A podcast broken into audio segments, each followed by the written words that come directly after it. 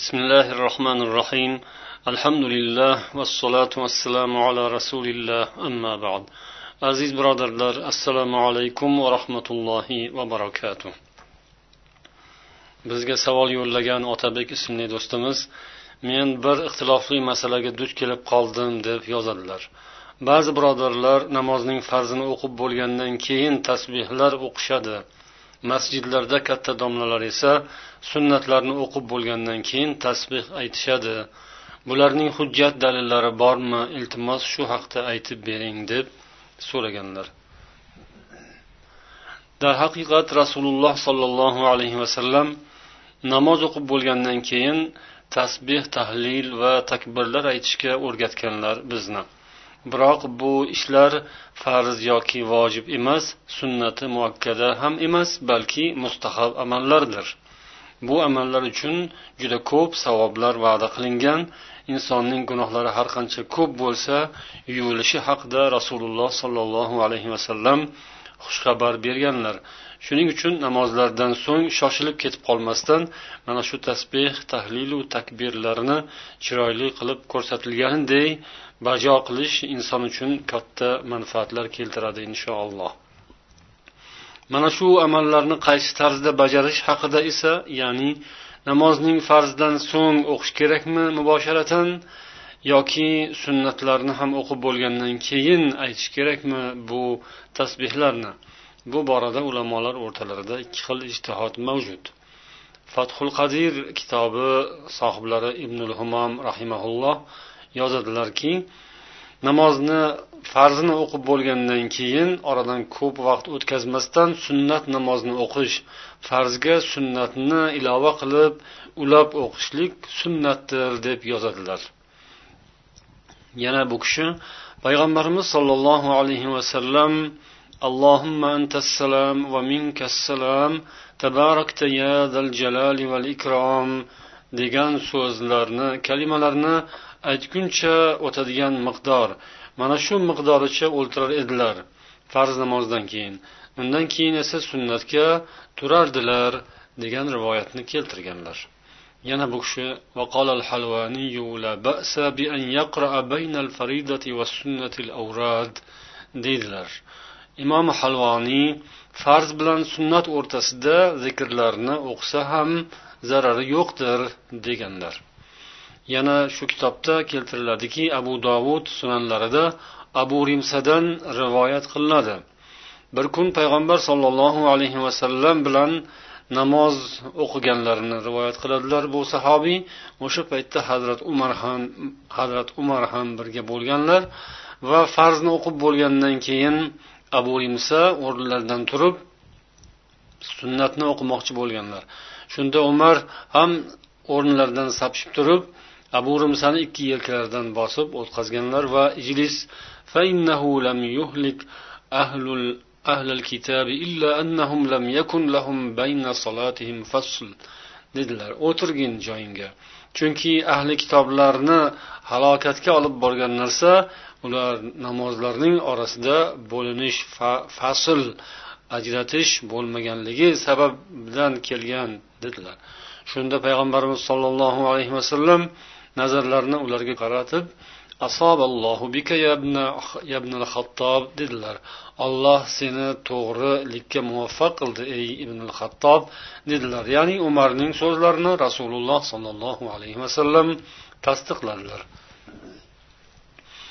قد يجاب بأن قوله اللهم أنت السلام ومنك السلام إلى آخره فصل mana shu yuqorida aytilgan hadisda agar namoz o'rtasini fasl qilish lozimligi aytilgan ekan farzdan so'ng allohimma antassalam va minkassalamning oxirigacha o'qishlik ham farz bilan sunnatni o'rtasini bo'lishga kifoya qiladi deydilar ibn humam yana payg'ambarimiz sollallohu alayhi vasallamdan farz namozlarni o'qib bo'lgandan keyin la ilaha illa la ilaha illalloh vahdahu la sharika lah له الملك وله الحمد وهو على كل شيء قدير اللهم لا مانع لما أعطيت ولا معطي لما منعت ولا ينفع ذا الجد منك الجد degan duoni o'qish vorid bo'lgan yana payg'ambarimiz sollallohu alayhi vasallam fuqaro faqir muhojirlarning savollariga javob berib turib tusabbihuna va tukabbiruna va tahmaduna dubara kulli salatin salasan va salasin degan so'zlari ham rivoyat qilinadi. Ya'ni har bir namozning so'ngidan o'ttiz uch martadan tasbih aytasizlar takbir aytasizlar va hamd aytasizlar deganlar. Yana rasululloh sollallohu alayhi vasallam لا إله إلا الله وحده لا شريك له. له الملك وله الحمد وهو على كل شيء قدير. ولا حول ولا قوة إلا بالله. لا إله إلا الله ولا نعبد إلا إياه. له النعمة وله الفضل وله الثناء الحسن. لا إله إلا الله مخلصين له الدين. ولو كره الكافرون. degan duoni ham vorid bo'lgan. Mana shularni rasululloh sollallohu alayhi vasallam namozdan so'ng o'qishga tavsiya qilganlar.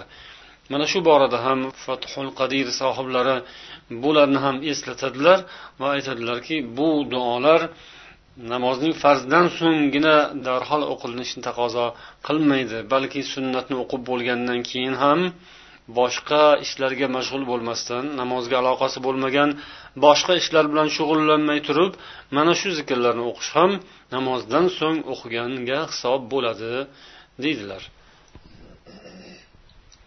yana bu kishi imom muslim va termiziy rivoyat qilgan hadisni ham eslatadilar كان رسول الله صلى الله عليه وسلم إذا سلم لم يقعد إلا مقدار ما يقول اللهم أنت السلام ومنك السلام تباركت يا ذا الجلال والإكرام muslim va termiziy rivoyat qilgan oysha roziyallohu anhu onamizdan rivoyat qilingan ushbu hadisda rasululloh sollallohu alayhi vasallam salom berganlaridan keyin allohimma antassalam va minkassalam tabarakta ya dal jalali val ikrom degan kalimani aytguncha miqdor o'ldirar edilar xolos Degan hadisni keltiradilar va mana shu narsa namozdan keyin ko'p o'tirmasdan sunnat o'qishga kifoya bo'ladigan dalil hujjatdir deydilar. Bu demak hanafiy ulamolarining so'zlari hujjatlari. Yana jumladan mana shu hanafiy ulamolardan imom halvoniyning yuqoridagi so'zlarini ham aytib o'tdik ya'ni ular farz bilan sunnat o'rtasida zikrlarni tasbehlarni o'qisa joiz buning zarari yo'q deganlarini yuqorida eslatdik. Endi ulamolardan yana ko'plari sunnatlarni o'qib bo'lgandan keyin aytilishini tasbihu tahlil takbirlar sunnatdan so'ng emas balki farzdan so'ng aytilishini ko'rsatganlar. Ko'pgina ulamolar farzdan keyin salom bergandan keyinoq zikrlarni aytishni tavsiya qilishgan. Molikiylardan al favakihu davani ala risalat ibn abi zayd qayruvaniy kitobida keltiradilarki عقب الصلاة المفروضة فقال ومما روي عنه صلى الله عليه وسلم من الأذكار في دبر في دبر كل صلاة مفروضة أن تسبح الله ثلاثا وثلاثين إلى آخره مؤلف keyin farz namozlarning so'ngidan o'qiladigan duolar zikrlarning bayoniga kirishadilar.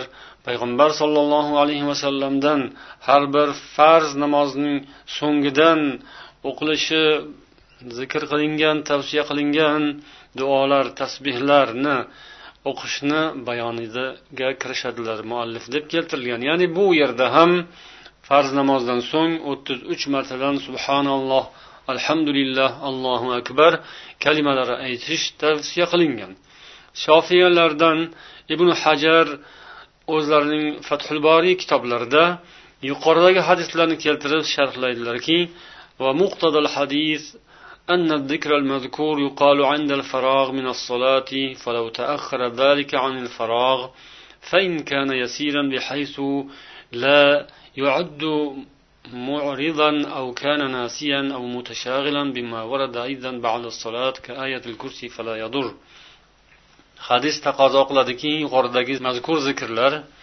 bularni namozdan so'ng forig' bo'lgandan so'ng o'qiladi ammo farzdan forig' bo'lgandan keyin biroz vaqt o'tsa zarari yo'q ya'ni butunlay bo'linish bo'ldi vaqt uzoq o'tib ketdi deydigan tarzda emas balki biroz esdan chiqargan yoki yana biroz boshqa zikrlarni o'qib keyin o'sha tasbehlarni aytsa zarari yo'q deydilar. Yana u kishi farda va nafl lakin hamalahu aksarul ulama al faroid payg'ambar sollallohu alayhi vasallam so'zlarining zohiri namoz deyilgan ko'p hadislarda demak u farz ham nafl ham namozning ichiga kirib ketadi.